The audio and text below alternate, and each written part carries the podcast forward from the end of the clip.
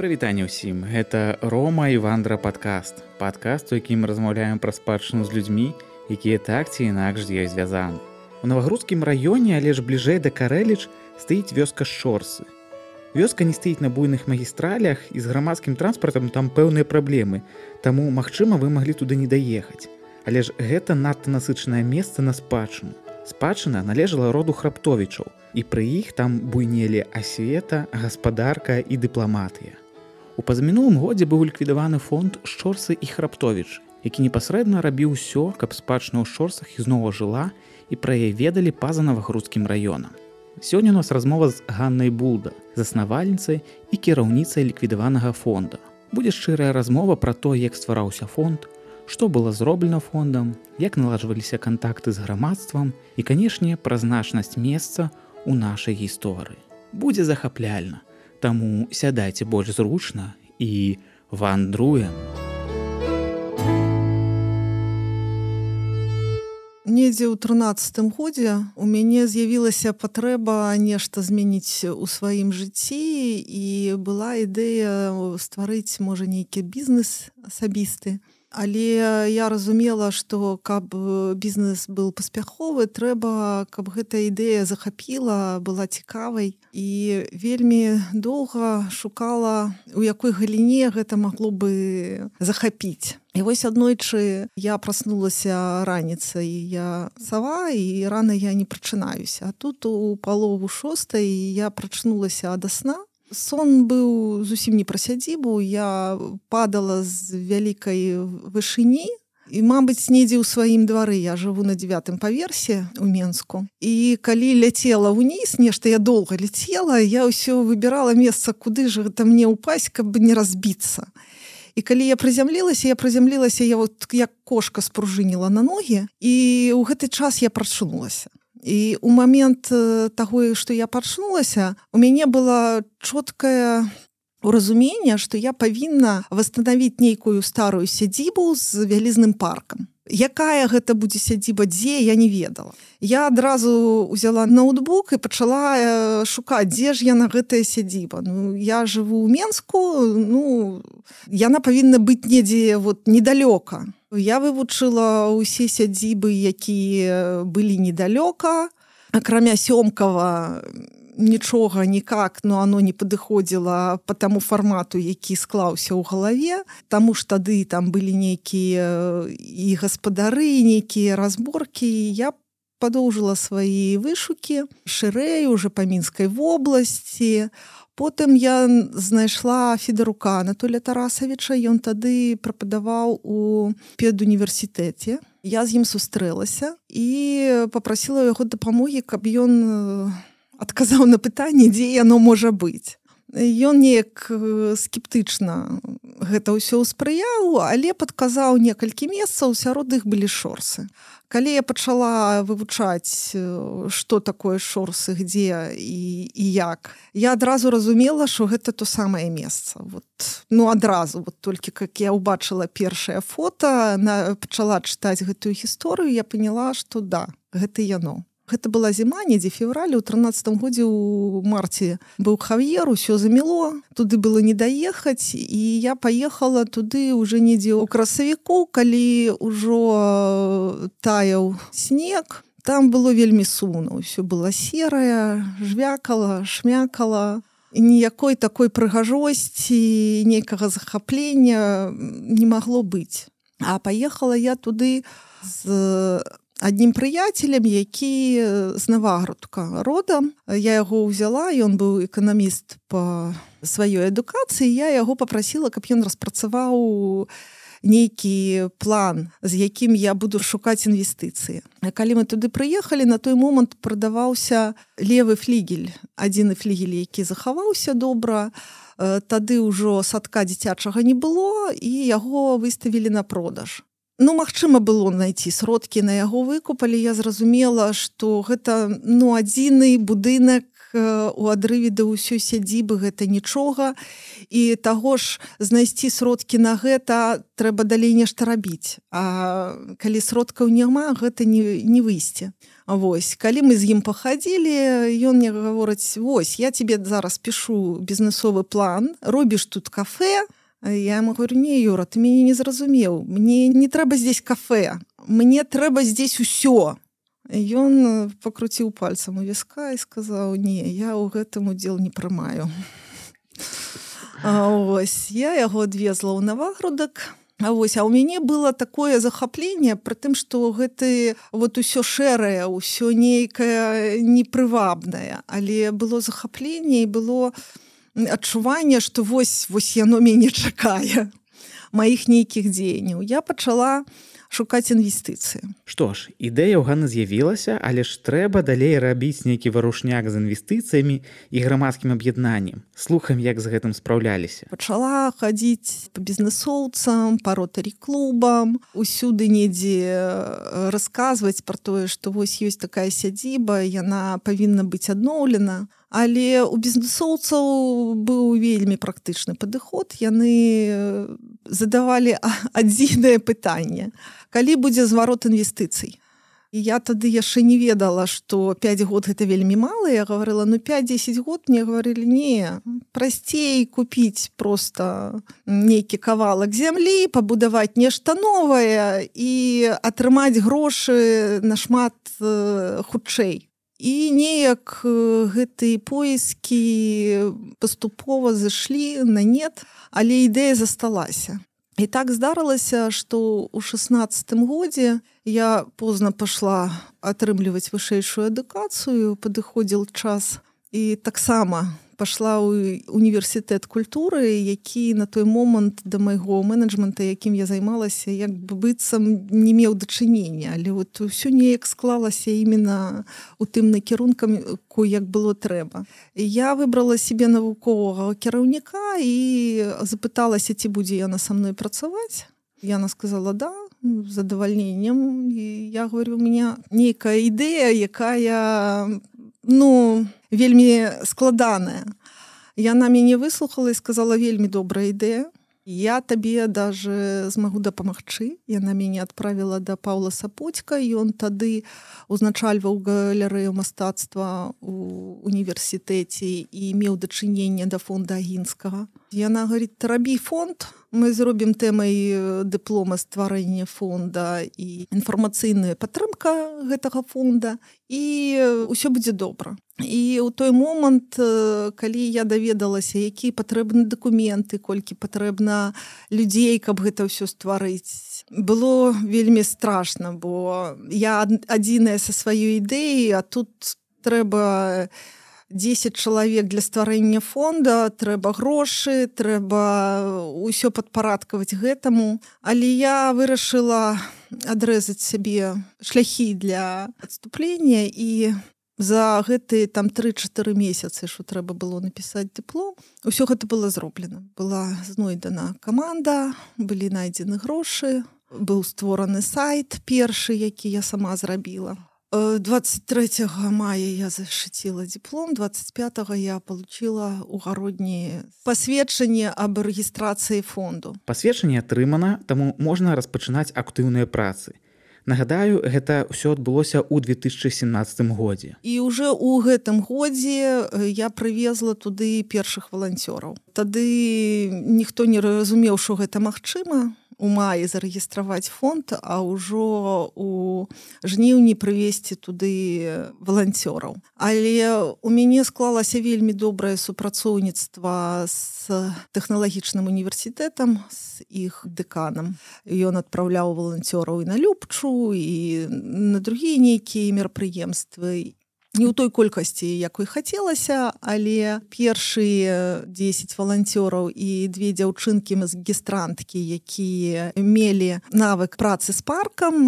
якія гэтымі работамі неяк трохі кантралявалі і таксама працавалі. Гэта быў першы заезд першы такі мой вопыт. І можа добра што гэта быў невялікі заезд бо ніякага вопыта ў мяне адразу не было і гэта была такая проба пера і высветліліся нейкія моменты на якія трэба звярнуць увагу ў далейшым Вось на наступны год ужо было тры заезда паўнавартасных з колькасцю каля 20 чалавек кожны. Подключыўся ўжо на той момант наш бнту група архітэктараў. На другі год таксама мне получылася дамовіцца з навагрудскім выканкамам аб тым каб мы працавалі у мураванцы бо даследаванні парка былі немагчымы на той момант навагрудскі выканкам там узначальвала аддзел культуры такая дама якая вельмі любіла даваць нейкія абяцанні. І ў апошні момант калі ўжо нічога нельзя змяніць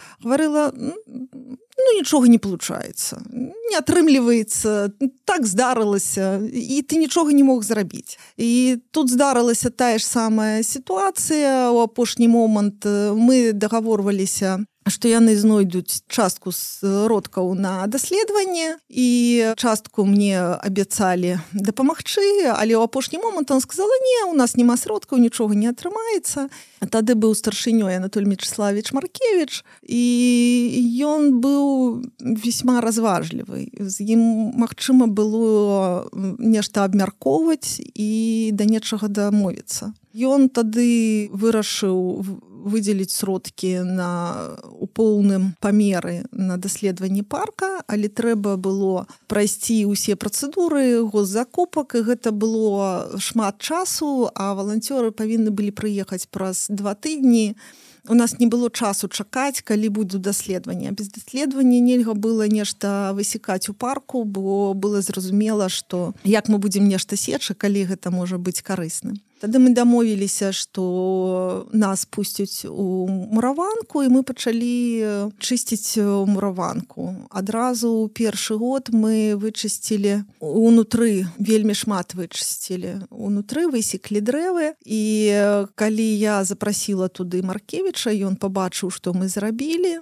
Ён зноў пашоў насустрач і па маей просьбе прыслаў туды меліяратараў усё тое, што мы высеклі, яны закарчавалі каб расліны гэтыя не раслі. Калі закарчованы лес ну не расце трэба падкошваць траву і тады там не будзе ўжо леса. Ну пакуль яшчэ падкошваюць але колькі часу яшчэ будуць падкошваць невядома. Мінуў год і ў 2018 годзе актыўнай працы стала яшчэ больш. Напрыклад тады нарэшце расчысцілі мураванку з боку дарогі Таму калі вы едзеце ў шчорсы і хочаце завітаць у мураванку, варта памятаць і ведаць, чыімі намаганнямі гэта ўсё было зроблена. На наступны год мы ўжо вычысцілі наружны контур мураванкі, яе стала бачна з дарогі і зараз там прыязджаюць вельмі шмат турыстаў. Калі яна стаяла у зараслях яю не было бачна, мала хто даже ведаў, калі ехалі по той дарозе, што яно там ёсць. А зараз заязджаюць вельмі шмат людзей людзей прыязджаюць на замежных номерах глядзяць Праўда ніхто там не ладзіць экскурсіі зараз але паглядзець сам аб'ект магчыма. Таксама дрэнна што ўсё стаіць под адкрытым небам і падаўжае парушацца бо хоць там і добры кірпіч але столькі год ніякай защиты ад даждзю і ветру і получается что ўсё рушыцца будынкі трэскаюцца кирпіч сыпецца і нейкія сцены абрушаюцца і опять-таки ў той год что мы уже зачысцілі наружны контур былі даследаванні парка. Мы расчысцілі вельмі добры шматок парка ад зарасля упадзеных дзярэв'яў дрэваў і тады мне опять-таки спалучылася дамовіцца з райвыканкамам нам выдзелілі жкх у памочнікі і яны гэтыя дрэвы вывозілі і праца пайшла шмат хутчэй чым калі мы складалі у мураванцы кастры палілі гэтае дрэва. Вельмі шмат часу хадзіла на то каб гэта сцянуць перпаліць таксама трэба назіраць было каб не пайшоў недзе пажар. А жарка і яшчэ ад кастра э, жар. Таму мянялі валанцёраў каб не было атраўлення там угарнымі газамі. І калі ў нас сталі вывозіць гэтыя веткі на шапу гэта была вельмі добрая дапамога.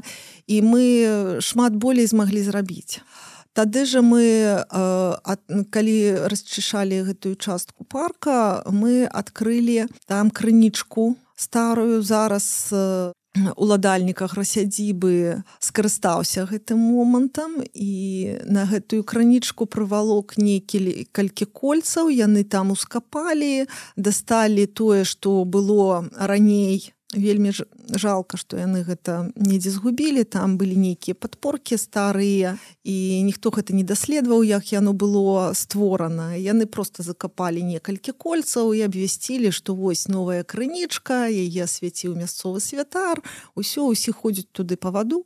Тое што гэта стала магчыма Таму што там працавалі вельмі плённа працавалі валанцёры гэта неяк асталася за кадрам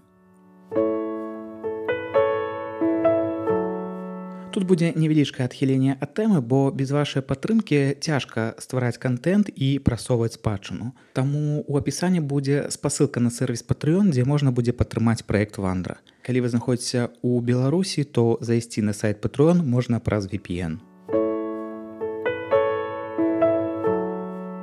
спадарнягана для тых хто не быў у шчорсах івогуле толькі бачылі напрыклад там на фотаздымках можете расказаць што ёсць што мы зараз маем у маёнтку шорсы? Можете нават і неяк так прарангаваць ад самага каштоўнага варты увагі да вось да такога больш звычайнага. Мне цяжка сказаць што больш каштоўнае. У маім паняцці самае каштоўнае гэта захаваць цэласнасць аб'екта. Бо гэта быў такі культурніцкі цэнтр гэта быў шмататраслівы камбінат сельскагаспадарчы гэта быў інавацыйны как бы таксама цэнтр да? І выдзеліць нешта вельмі цяжка. З таго што захавалася ну магчыма паглядзець самі парэшткі садзібы там захаваўся дом эканома гэта двухпавярховы дом на якім вісіць шыльда бібліятэка. Ну гэта не бібліятэка бо бібліятэка была на другім паверсе палаца. А у доме эканома у апошнія гады жыла сям'я буценевых і там былі нейкія асабістыя рэчы і кнігі і астаткі бібліятэкі, якія былі спалены. Таму там вот вісіць рэштка пра бібліятэку, але гэта дом эканома захаваўся флігель захавалася карэ службовых карпусоў захаваліся парэшткі стаен і рэшткі кузні таксама за стайнямі але яны там у захрасніку і іх знайсці будзе вельмі цяжка але яны там ёсць Вось таксама засталася яшчэ ведлярня вендлярню зараз яшчэ не прадалі усе астатнія парэшткі проданы асабістым гаспадарам гэта вельмі дрэнная памылка выканкама бо зараз у сядзімы 6-7 гаспадароў юрыдычна. Гэта тры асабістых бізнесоўца гэта сельскі выканкам гэта калхоз і гэта навагрудская больніца шесть гаспадароў і у кожнага свае адносіны з гэтым месцам свой досвед і сваё ўразуменне што трэба рабіць і таму гаворыць аб нейкай цэласнасці захавання зараз вельмі цяжка Вось. Але парэшткі можна паглядзець. Туды пакуль збольшага ёсць доступ і калі прыехаць можна зайсці ўсё гэта паглядзець. Ну і таксама ў кіламетры ад шорсаў есть той самы гаспадарчы двор мураванка які мы расчысцілі збольшага не поўнасцю але ён збольшага расчышчаны. Там у прошлым годзе былі з'ёмкі фільма нейкага зарабілі на тым што мы расчысцілі. Райвыканкам але іх тоже варта паглядзець. Гэта цікавы аб'ект гэты гаспадарчы двор больш нагадвае нейкія руіны замка нежели гаспадарчы двор. Вось я хацеў гэта адзначыць бо я здаецца у мінулым годзе якраз такі быў там. І для мяне вось мураванка сама яна больш уразіла сваімі памерамі і гэтай сваёй занятбанасцю што гэта вось насамрэч нейкія парэшткі э, замка. Можете патлумачыць а што ўвогуле там было чаму у кіламетры ад сядзібы і у такіх памерах? Там был сельскагаспадарчы двор. Яго будаваў ужо адам хіма літавора не было бутаваў адам. Так здарылася што усе храптовічы пры тым што яны займаліся шмат дыпламатычнай дзейнасцю і літоўцы і ахіма літавора лічаць сваім як быццам раданачальнікам дыпламатычнай службы. У нас лічыцца сапега а літоўцы лічаць нашага яхіма літавора Вось пару слоў скажу як бы ў тэму. Бо сядзіба мае у спісы дзярж спадчыны другі другі ўзровень? другі ўзровень. Гэта рэспубліканскае значэнне. Гэта спадчына рэспубліканскае значэнне. Я лічыла і лічу зараз што гэта спадчына міжнароднага значэння. Бо яхім літавор шмат зрабіў для польскай навукі польскай літаратуры. Ён пахаваны ў варшаве і палякі вельмі чтут і ёсць ліцэй імя храптовіча есть вуліцы імя храптовіча. У многіх мястэчках польльшы ёсць. Літоўцы вельмі добра адносяцца да храптовіча і таксама ў іх есть нейкая спадчына якая имея нейкія перакрыжаванні з нашай спадчынай. Ёсць і у літвы і у польльшы таксама рэшткі бібліятэкі зараз захоўваюцца ў бібліятэцы вернацкага у Киеве я вельмі спадзяюся што ў гэтай вайне яны захаваюцца і дажывуць да лепшага часу. І таму мы ўжо маем як мінімум чатыры краіны якія маюць да гэтага дачынення. Таму гэта ну ніяк не рэспубліканская гэта меж міжнароднае значэнне мае вяртаемся да гаспадарчага двара. Адам акрамя таго што таксама быў дыпламатам як яго бацька і усе астатнія храптовіча таксама вывучалі дыпламатыю былі дыпламатамі. Але у іх было абавязковым яшчэ сельскагаспадарчая адукацыя і яны прывозілі у сваю свой маёнтак усе інавацыі сельскагаспадарчыя бо зараблялі сельскай гаспадаркай. І была патрэба ў созданні такога вот сельскагаспадарчага двара недзе недалёка ад самого маёнтка. Бо маёнтак гэты быў такі парадны двор куды прыязджаў август панятоўскі кароль тады куды прыязджалі для даследаванняў у бібліятэку розныя вельмі адукаваныя людзі бо гэта яшчэ адзін накірунак які робіць вось гэта месца знакавым. Дзе праходзілі нейкія балы былі прагулкі по парку а гаспадарчы двор ну як гэта? Гэта каровы гэта там коні гэта зерні гэта недзе трэба было акумуляваць перарабляць Таму быў пастроены гаспадарчы двор на нейкай адлегласці ад параднага маёнтка. Чаму такі вялізны? Гэтыя вежы, якія вы бачыце пры ўездзе, яны использоваліся для хранення кармоў калі бліжэй падысці ад вежаў адыходзяць такія двойныя сцены. Гэта былі каронікі і стайні. С адной стороны былі каронікі дзе стаялі каровы а з другой стороны былі стайні для рабочых лашадзей бо у сядзібе былі лошадзі так скажем мерседесы а у мураванцы былі лошадзі трактары якія пахалі сеялі там касілі. Вось таксама там под навесам былі розныя прыстасаванні сажалкі сеялкі плугі і астатнія там была мельніца там былі склады для зерня для сена былі таксама нейкі телятнік свінарнік то есть ну ўсё тое что трэба было для гаспадаркі А гэтыя квадратныя дамкі якія ад вежаў адыходзяць у кожную сторону гэта былі кватэры для тых хто там працаваў. У каждым дамку на кожным паверсе было по две кватэры.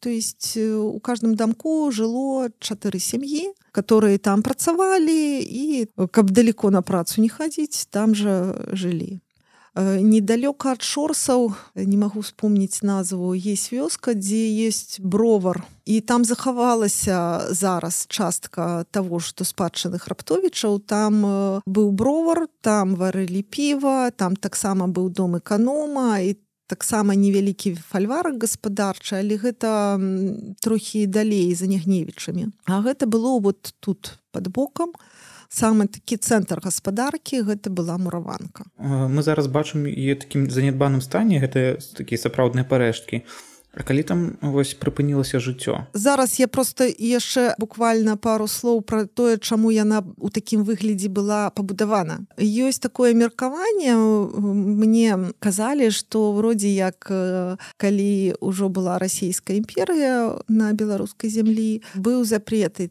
кацярыны строіць замкі і гэта быў такі ат адама как бы жест такі что гэта ж не замак гэта гаспадарчы двор але ён у такім замкавым стілі але потым мне сказалі что гэта гістарычная маніпуляцыя і гэта не магло быць так. Таму дакладна я не ведаю чаму было вырашана ўсё ж такі у такім відзе яе пабудаваць. Але вось мы маем такія вот цікавыя страенні у савецкі час гэтая тэрыторыя прынадлежала карэльчскому племхозу бо там же засталіся ўсе у 39 годзе засталіся ўсе каровы коні ўсё было. Трэба было кому-то даглядаць. Карэльчскі плепхоз паспяхова ну, наколькі гэта было магчыма паспяхова гэтым скарыстаўся. Але ў 90-е гады Мачыма быў яшчэ нейкі тэрытарыальны падзел бо зараз гэта навагрудскі раён гледзячы на тое што да карэльчаў бліжэй там буквально 10 кіламетраў да навагрудка до 25 але гэта навагрудскі раён. Вось у 90-м годзе карэльчскі пленхоз выехаў. Ну таму ж калі будынкі доўга не рамантаваць яны прыходзяць у занядбанасць. Ну, і навошта рамантаваць калі можна кудысьці з'ехаць? І гэта кінуць. І як толькі ў 90-е гады гэта было закінута таму ж у нашай дзяржаве адбыліся нейкія такія змены было раскрадзена ўсё што можна было скрасці былі скрадзеныя з дахаў накрыццё якое было добрае былі спілаваны перакрыцці якія былі цэлыя былі скрадзеныя дзверы вокны кірпічы якія было магчыма па сённяшні дзень мне расказваюць што кірпічы вывозяць з мураванкі паціху на свае гаспадаркі ты каму гэта патрэбна. Калі няма гаспадара які даглядае то марадзёрства у любой краіне будзе працвітаць Таму вот з нашай спадчынай насамрэч так не толькі ў шорсах много дзе дзе немагчыма закрыць усё роўна будуць нейкія вандалы якія просто будуць разбураць потому что ім весела і цікава гэта разбураць. І будуць нейкія марадзёры якія знойдуць дзе гэта прыстасаваць у сваёй гаспадаркі. Вернемся тады да фонда. Пачатак заснавання фонду. Якія выставілі ось першапачатковыя нейкія мэты? У вас жа быў нейкі план што рабіць першыя крокі былі ў тым каб знайсці нейкіх даследавацеляў якія дапамогуць неяк даследаваць саму тэрыторыю каб была магчымасць ее неяк пачысціць адкрыць тое што захавалася. Бо калі ўсё даже не бачна бо яно ўсё зарасло і нічого падысці да чагосьці праблема то рабіць нешта і гаварыць аб нейкай рэстаўрацыі немагчыма Таму першыя крокі былі скіраваны на то, каб былі нейкія першасныя даследаванні, каб было магчыма расчысціць гэтую тэрыторыю. Другім крокам ужо быў поиск сродкаў, каб правесці даследаванні больш шматгрунтоўныя, каб разумець, куды далей двигацца, наступны план быў калі бы былі даследаванні па усім накірункам а накірункаў там. Гэта сама сядзіба гэта гаспадарчы двор гэта парк які захаваўся можна сказаць адзіны вялізны парк на ўсю краіну гістарычны які захаваўся. Бо есть яшчэ невялізныя паркі гістарычныя таксама ў дрэнным стане але яны ёсць. А вялізнага парка у які не наступіла сённяшняя забудова няма таких паркаў. Ёсць вось прынесвежы нейкая паркавая культура якую вас создалі ну і і ўсё гэты парк мог бы быць ну скажем так вельмі яскравай кропкай на мапе нашай краіны куды бы съязджаліся і біёлагі і ты хто любіць расліны хто Э, просто любіць пашпарцараваць по парку. Гэта магло бы быць магло бы быць. Вось наступным крокам э, было бы создание канцэпцыі бо я лічыла тады лічу зараз что для того каб захаваць гэтую спадчыну неабходимо э, зрабіць канцэпцыю того что там будзе далей у якім накірунку двигацца гэтая канцэпцыя павінна ахопліваць усе усе закуточки было сядзібы. І не толькі сядзібы Я думаю, што і аграгарадок шорсы і блізлежащыя вёсачкі таксама. Бо немагчыма зрабіць нейкі аб'ект у адрывы ад рэальнасці. Павінна нейкая працаваць інфраструктура, нейкія мясцовыя жыхары павінны быць здзейснены ў тым, што будзе працаваць. І таму ўсё павінна арганічна ўпісацца ў той канцэпт. І гэты канцэпт павінен быць вельмі шматгранны. І вось калі гэты канцэпт будзе, ад яго уже магчыма разбіваць на маленькія кавалачкі і часткамі рабіць. Вось паглядзіце, што мы маем. У нас зараз две гістарычныя такія скажем жемчужаны гэта міры несвеж да куды везуць усіх турыстаў. Колькі гадоў з імі працавалі? Мір рабілі не менш як 25 гадоў. Былі задзейснены некалькі інстытутаў.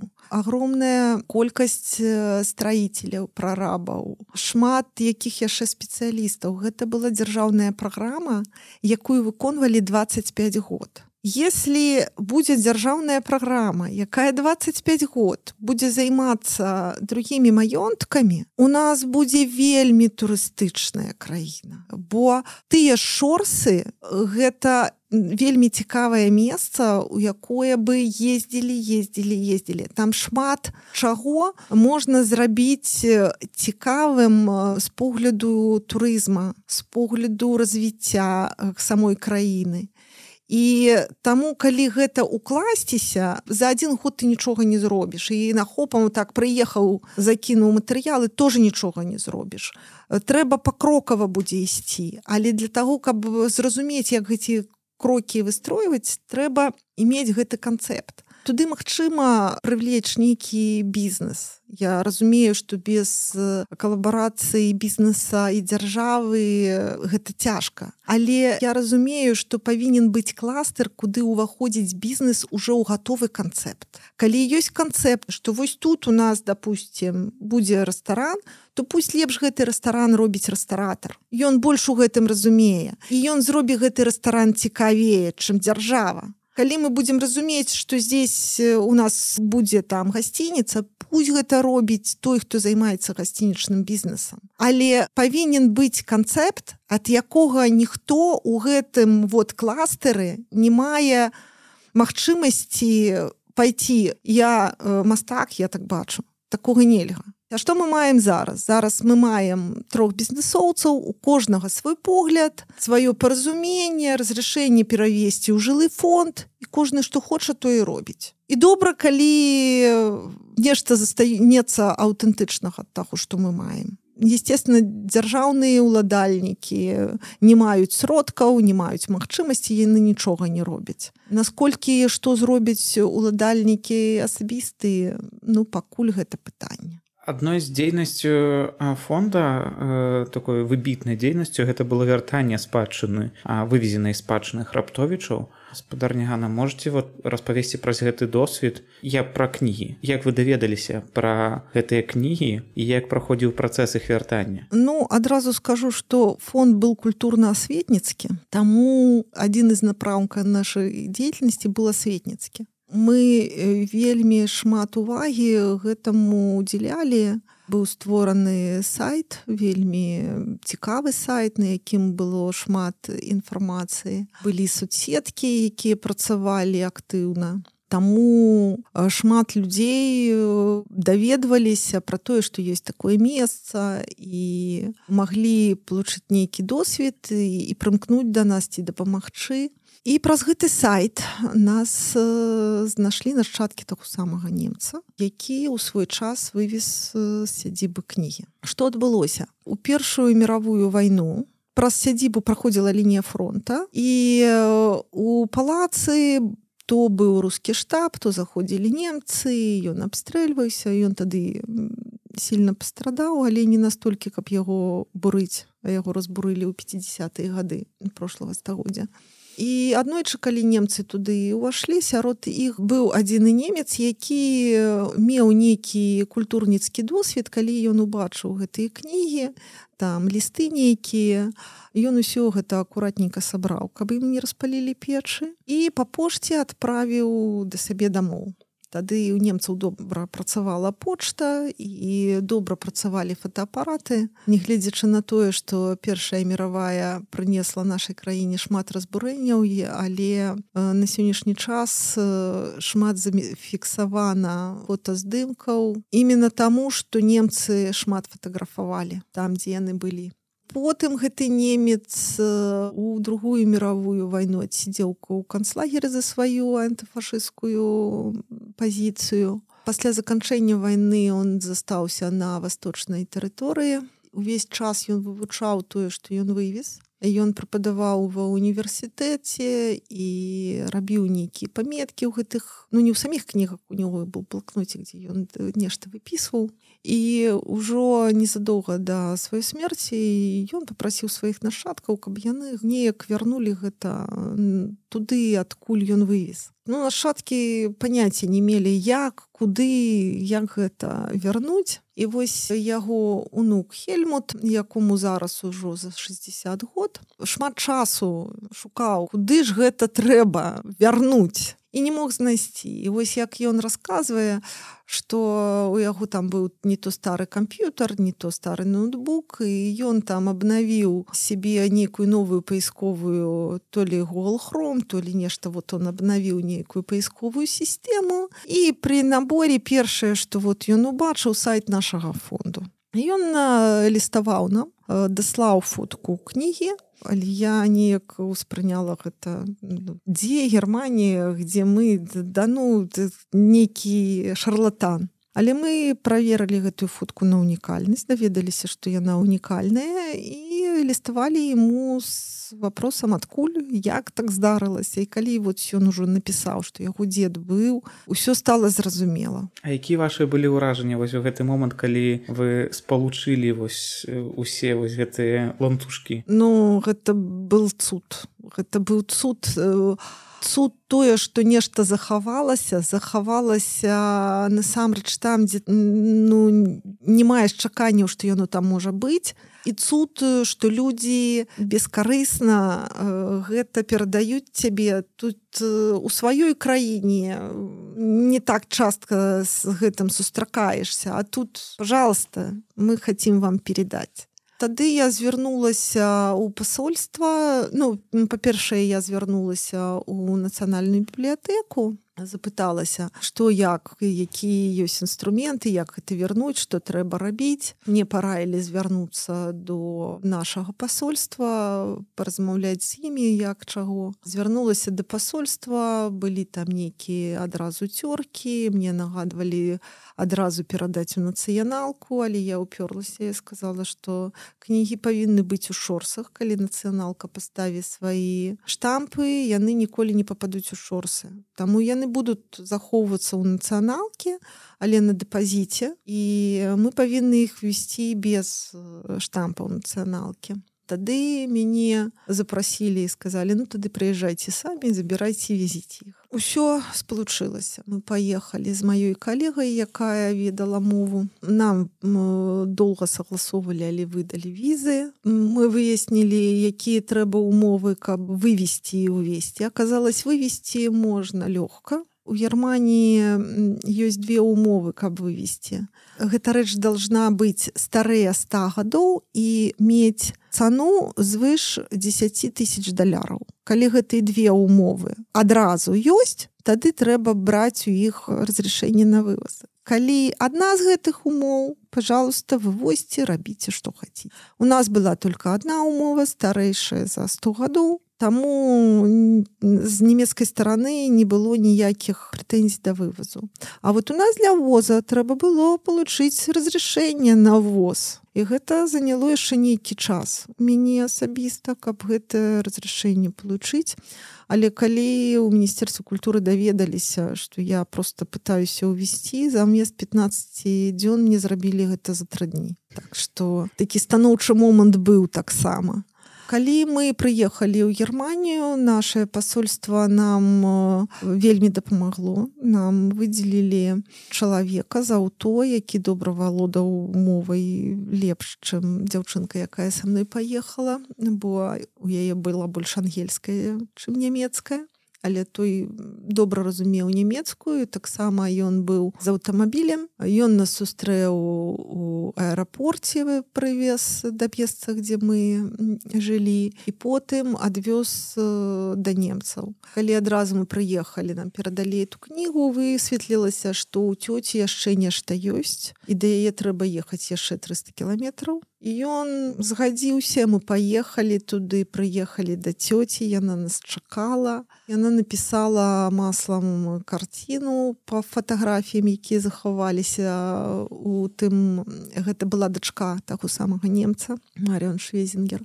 І яна намалявала картыну вельмі цікавую картыну але дахі былі зялёныя. І калі яна перадае гэту карціну забіраць будзеш? Я говорю конечно она говорит а я с колером угадала? Я говорю не у нас э, дахи были чырвоныя бо былі чарапіцы і она так расстроилась я говорю ну чаго вы расстроиваетесь? Ну гэта ваш погляд погляд мастака. Будзе час намалюеце з чырвонымі і яна малявала яшчэ одну карціну з чырвонымі дахамі. І вось буквально некалькі тыдняў назад гэтыя карты Тына ўсё ж такі даехала да Мску і яна зараз у мяне гэтая другая карціна. Ну і першая картына тоже захоўваецца ў мяне. Мы яе выставлялі калі была выстава по тым рарытэтам которые мы прывезлі. Але зараз усё ну, у мяне захоўваецца.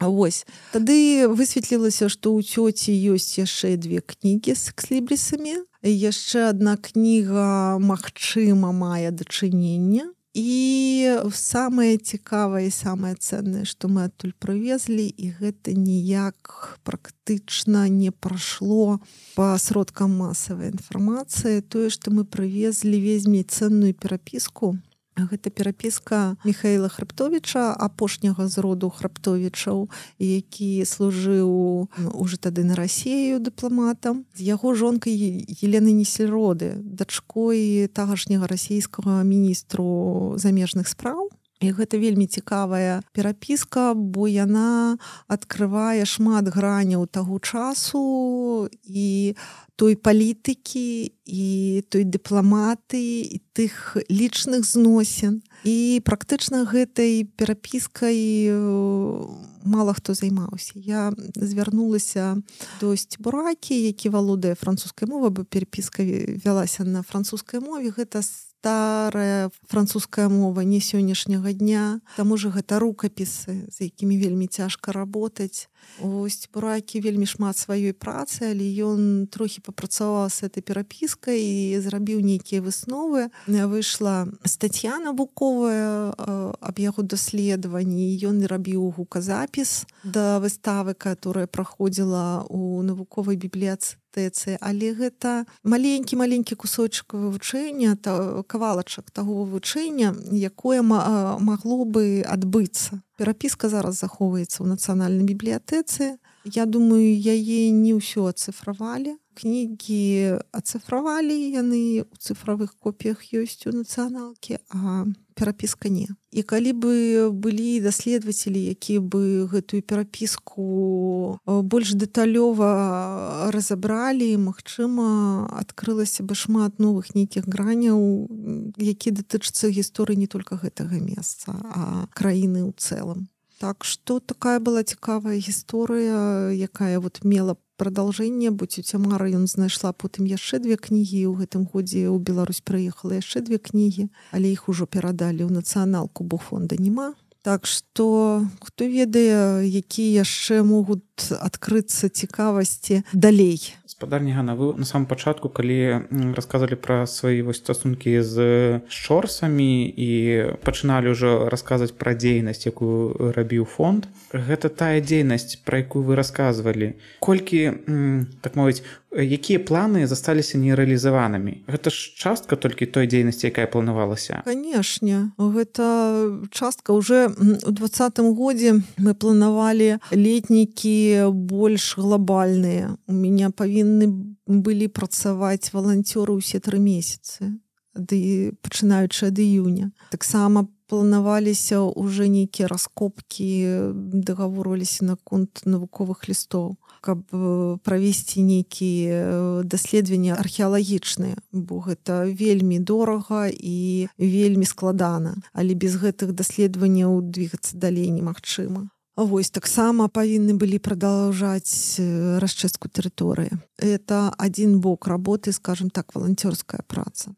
Таксама вяліся даследаванні ўсіх накірунках. То бишь искаліся гісторыі які маглі зафіксаваць где-то что-то знайсці. Искаліся любые артефакты. Гэта быў пастаянны вышук пастаянны вышук где что что магчыма знайсці. Бо у 39 годзе калі вашлі савецкія войскі і апленарыя буцейнева арыштавалі усе ценнасці сядзібы былі вывезены а кнігі спаленыя ценнасці гэта жывапіс які часткова прадстаўлены ў музее пушкіна ў Маскве гэта таксама былі там нейкі посуд. Не ведаю дзе оны захаваўся ли ён. Кнігі большасцю былі спалены але часткова нейкія рукапісы і архівы таксама былі вывезены ў рассею ідзе яны ў рассіі захоўваюцца у пры цифроўкі ельцынскай бібліятэкі усплыў нейкі дакумент які паказвае што там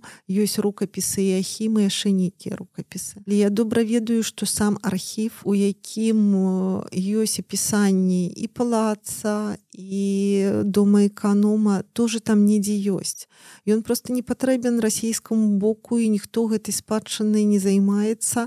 Таксама як мальдзіс знайшоў рэшткі бібліятэкі ў бібліятэцы вернацкага якімі ніхто не займаўся бо ёсць свая украінская спадчына навошта займацца беларускай. Таксама на расійскім боку я добра ведаю што яно там ёсць але ніхто гэтым не займаўся. І для таго каб гэта знайсці то трэба вельмі шмат нейкіх і грошай і часу і прафесіяналаў якія змогуць працаваць з тымі архівамі бо гэта асобная праца найти той шлях якое яно прашло найсці там дзе яно і знайсці што именно мае дачыненне да гэтай сядзібы. Бо зараз калі мы говорим а як восстанавливать если мы будем вдруг у нейкі час прыйдзецца можна ж зрабіць як зрабілі з цэнтрам Польшай і восстановить і палац. Магчымы такі шлях Магчыма ніхто не пойдзе гэтым шляхам но если мы станем перад таким пытанням А як гэта зрабіць? Ці ёсць тыя чарцяжы тыя планы як яно было? Каб гэта не быў такі ну зусім новабуд. Вось нам так падалося или нешта падобнае да фото Таму трэба было пастаянна займацца вышукам і мы гэтым займаліся. Пастаянна вялася нейкая праца з мясцовымі жыхарамі. Бо зрабіць нейкую сядзібу выключыўшы з гэтага мясцовае насельніцтва немагчыма. Яно павінна прымаць у гэтым удзел ім павінна гэта быць вельмі дорага ім павінна гэта адклікацца ў душы. Бо калі не што бы ты не зрабіў гэта будзе зноў марнатраўна разварована знішчана. Бо няма ўкладання ніякага асабістага ўкладання няма. І для таго каб бы гэта жыло трэба каб мясцовыя поверылі ў то што гэта магчыма. Наперш з чым я сутыкнулася з тым што яны не вераць у тое што гэта кому-то патрэбна што гэта кто-то будзе рабіць что туды будут прыязджаць турысты бо мне гаварылі калі б хацелі зрабіць уже б давно зрабілі. Это никому не патрэбна. Это все вот трэба вот э, бульдозер прывесці і закапаць бульбу пасадзіць то бишь людзі якія увесь час э, жывуць то гэты то гэты то так імі кіруюць то гэтак яны дзьбаюць сваю нейкую гаспадарку і яны ўсе ў гэтай гаспадаркі яны не вераць што грамадская прастора можа быць задзейснена можа прынесці для них нейкую карысць можа даць ім э, нейкі новы досвед працу. Гэта няма гэтага паразумення. І у дзяржавы на гэты конт не, не рабілася ніякіх крокаў ды і не робіцца і не ведаю будзе ли калі рабіцца і вось калі ты пачынаеш звяртацца да іх адразу гэтая вера не прыходзіць. І вельмі цяжка заручыцца іх нейкай падтрымкай. Да таго ж я для них варак. Я приехала на іх зямлю хто ты такая? Что ты що табе здесь патрэбна? Чаму табе гэтая сядзіба? І каб быў нейкі давер каб былі нейкія стасункі мы правялі не адно мерапрыемства. Было зроблена вельмі шмат крокаў. Гэта былі нейкія канцэрты. І кінотэатр мы рабілі под адкрытым небам. І масленніцу і нейкі канцэрт новому году і нейкі для дзяцей у рабілі шмат нейкіх крокаў. Таксама я пыталася правесці нейкія пытанкі каб зразумець чаго ж яны хочуць насамрэч. Чаго ім не хапае тут вот дзе яны жывуць каб разумець у якім напрамку рухацца з імі. Каб гэта не было так вот я вам тут предлагаю хотите вы не хотите а будзе так. Не была патрэба зразумець чаго ж яны-то хочуць найти нейкую э, залатую сярэдзіну каб э, усе інтарэсы сцікліся туды і можна было получыць добрый результат. Калі так попадаеш то тады результат насамрэч добрый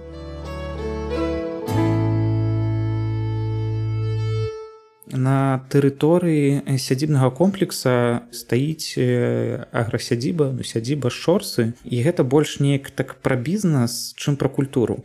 А гэтыя вось шляхі яны заўсёды ну не заўсёды яны часам не супадаюць. Тыя погляды на спадчыну. Як у вас складвались стасункі з сядзібай шорсы? Накірунак у вас погляд на спадчыну быў аднолькавы ці былі нейкія такія перашкоды адзін адному сядзімай у нас не склаліся адносіны былі перашкоды і абсалютна розны погляд. Бо уладальнік сядзібы бачыць упершыню бізнес і таму складае нейкія гістарычныя легенды на свой погляд каб прывабіць да сябе людзей ён дбае за асабістую маёмасць і насамрэч разумення велічыні і неабходнасці захавання ўсёй тэрыторыі у уладара сядзібы няма. Таму не склаліся ў нас з ім адносіны і думаю што магчымасць каб нешта склалася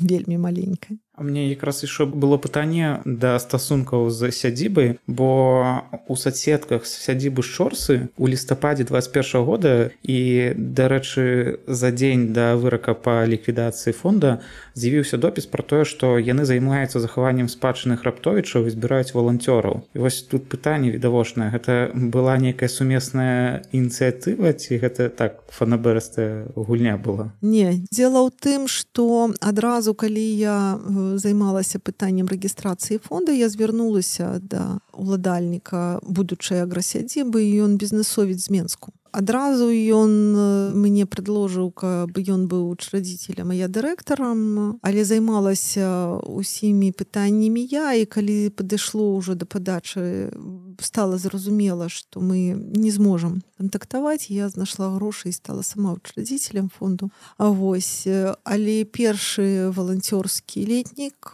састаяўся таксама таму што гэты бізнесовец пералічыў на счет фонду грошы і дапамог там паралонам яшчэ нечым то есть яго дапамога была у самы першы летнік. Але потым далей усё заходзіла ўсё цяжэй цяжэй цяжэй. Адразу ён даже уходзіў у папечыцельскую раду фонда але потым яго выключылі. Ну быў пастаўлены вопрос на сабранні ён сам выйшаў а перад закрыццём фонду ўжо ніякіх стасункаў не было зразумеў спадарня на фонд і сучаснасць мінулым годзе мы ведаем ліквідавалі фонд. А што зараз дзейнасцю фонда і з камандаю гэта нейкі такі доўгатэрміновы перапынак ці вядзецца некая такая даследніцкая дзейнасць але ўжо аматарская так мовіць? Фонд быў закрыты ў 21 годзе па-за мінулы год уже. 4 лістапада да ў 21 годзе рашэнне суда уступіла ў сілу з таго часу якраз у тым жа годзе па-за мінулым быў прыняты закон па якім любая дзейнасць якая датычыцца дзейнасці ліквідаваных некамерчаскіх арганізацый у нас караецца крымінальнай адказнасцю Таму дзейнасць спынілася. Я асабіста захоўваю сайт, бо гэта сайт пра сядзіму, а не пра фонд. Тое, што датычылася фонда з яго прыбралі. Таксама захоўваюцца суседкі, ну іх няма практычна публікацый, бо не аб чым зараз пісаць, нічога не праісходзе команда недзе частка людзей падтрымлівае са мной нейкія стасункі. Мы ведаем адзін пра аднаго хто чым займаецца і где-то ў нейкі момант яны бы готовы былі бы магчыма ўключыцца але гэты закон які вісіць над намі як дамоклаў меч накладвае тое что у калі б ему магчыма было б что-то рабіць але за гэта пайти пасядзець у турме некалькі год ніхто не хоча. Таму гэта перапынак. Колькі гэты перапынак будзе доўжыцца ніхто не ведае. І ці дойдуць до таго момента калі магчыма будзе пачаць нейкую працу усе тыя хто чакае таксама пытанне я наконт сабе не ведаю. Ці будуць у мяне сілы і жаданне нешта рабіць далей. Таму што калі я вот учора прагледзела гэтую справаздачу я патэлефанавала сваёй падругі говорю вот прачытала як вельмі много зроблена але як гэта все як у нейкім тумане уже. Ці змагла бы я зараз? Мне кажется я зараз не смогу гэта рабіць. Она говорит ну это як за стырном э, аўто. Сядзеш і ды поедешь я говорю магчыма але я не разумею ці змагу ли я вось э, столькі намаганняў столькі усяго рабіць калі будзе такая магчымасць. Бо калі ты гэтым жыў каждый раз яшчэ яшчэ а мы можем это а тут такі цікавы досвед я ж ездила на розныя трэнінгі сустракалася з рознымі другімі некамерцыйнымі арганізацыямі. Я адпраўляла кагосьці з фонду каб э, у сваёй галіне людзі атрымлівалі нейкую дадатковую адукацыю і кожны раз быў нейкі досвед ад других у іх нешта спалучылася А чаму бы нам не паспрабаваць зрабіць не, нешта похожее і гэта было вот такой нон-стоп ты постоянном э, каком-то движении в постоянном каком-то деятельности которая плённы вынік дае. А зараз ты сидзіш як муха ў павуціне і нічога не робіш. І гэта так прыбівае, што ты не ведаеш, ці зможаш ты адтуда выйти і нешта рабіць. Зноў-такі да шорсаў і ўжо тым стане, якімі знаходіцца за гэты апошні паўтара гады. Зараз ці ёсць нейкі такія візуальныя вынікі ліквідацыі фондаў шорсах.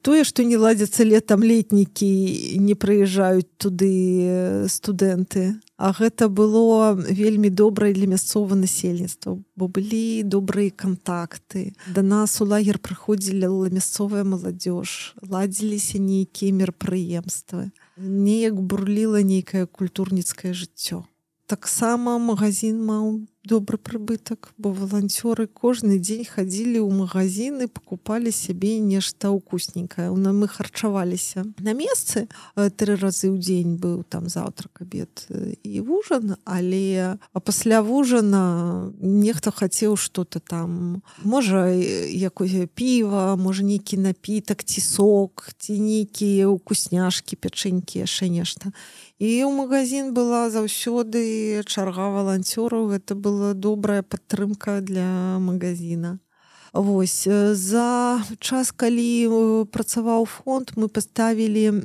у парке беседку на месцах дзе калісь у савецкім часе была эстрада і былі дыскатэкі. Мы там паставілі беседку каб мясцовыя маглі каля пруда праводзіць свой нейкі час сустракацца. Беседка ўмяшчае до 20 чалавек за один раз. Там Мачыма мы искали именно такую вялізную беседку каб праводзіць нейкія ладзіць там мерапрыемствы і там праходзілі мерапрыемствы таксама сумесныя там вот калі быў вела прабег і марафонскі прабег яны звярталіся до нас мы ім дапамагалі у них там была стаянка яны прыязджалі там отмечаліся пілі кушалі аддыхалі і мы праводзілі там мерапрыемствы таксама свае але за той час что мы там нічога не робім тыя кветкі і кусты змарнаваліся там уже нічога няма.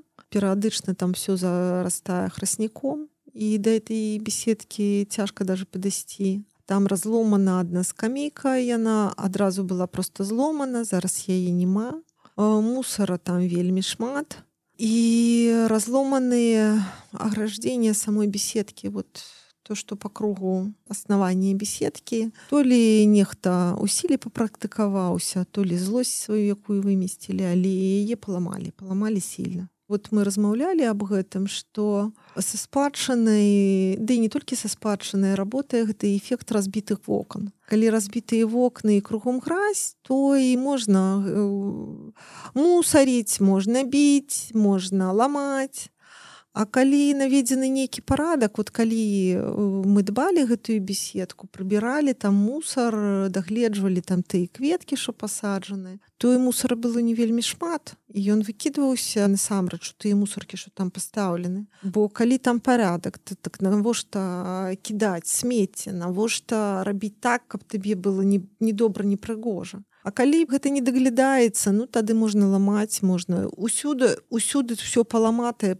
чаму ж не зламаць Ну таксама трава у той же мураванцы выкошваецца у лепшым разе два разы на гаду а трэба раза чатыры. Нічога не двигаецца все продолжает разрушацца ну новыя уладальнікі нешта сейчас робяць Я э, не хочу хадзіць туды, бо вельмі балюча. Прыходзіць і глядзець, як рушыцца тое, што ты рабіў, Таму стараюся туды не хадзіць. 10 год прыходзіць да вас ідэя 6 год актыўнай працы фонда шмат чаго стварылася нават наладжаны былі міжнародныя сувязі. Спадарня гана. Адкуль была і ёсць матывацыя ў працы над сядзібай? Навошта ўсё гэта? Вельмі добрае пытанне. Я зараз не магу на яго адказаць бо зараз у мяне вельмі дрэннае спачуванне што ўсё было дарэмна. Што ўсё тое што было зроблена яно ну што яно нікому не патрэбна. Ну гэта такая сумная нотка. Надзея павінна ж заставацца. Сумная нотка, бо зараз тое, што адбываецца ў нашай краіне, ну ўсё вельмі сумна. Я спадзяюся, што гэта частковая слабасць гэта пройдзе і будзе як са стырном аўто. Калі зменіцца час, зноў прыйдуць тыя людзі, якім гэта не ўсё роўна і будзе нешта рабіцца, і тады будуць сілы. Бо калі вокруг табе моладзь, якой гэта цікава якая хоча, каб гэта захавалася, то і сілы яны ёсць. Ёсць натхненне, ёсць маса ідэй, бо вакол табе шмат людзей, якім гэта патрэбна. А калі ты разумееш што ўсё тое што ты рабіў просто знішаецца то вельмі сумна На мою думку спадарня Ганна шчыра ёміста падагуліла сучасны стан кожнага хто датычны да беларускай спадчыны. Спадарня Ганна значыла значны момант працы у пошуках захаваўшыся спадчыных раптовічаў. Калі вам адгукнулася размова з Ганнай і тая дзейнасць якая была зроблена фондам то вы можете уласна дапамагчы ў даследніцтвах. Напишите на вопрос спадарні Ганне. Спасылкі будуць у апісанні. У апісанні таксама будзе спасылка на сервис патрыён дзе можна падтрымаць проект вандра проект ужо падтрымала 14 чалавек і за гэта ім шчыры дзякуй. Дзякуй што даслухалі гэты выпуск до конца подзяліцеся ім сябрамі каб яшчэ больш людзей даведалася пра нашу спадчыну і пра тых людзей хто робіць яе лепшай. А каб не страціць наступныя эпізоды подписывайтесь на подкаст і сацыяльныя сеткі проекта вандра вандруем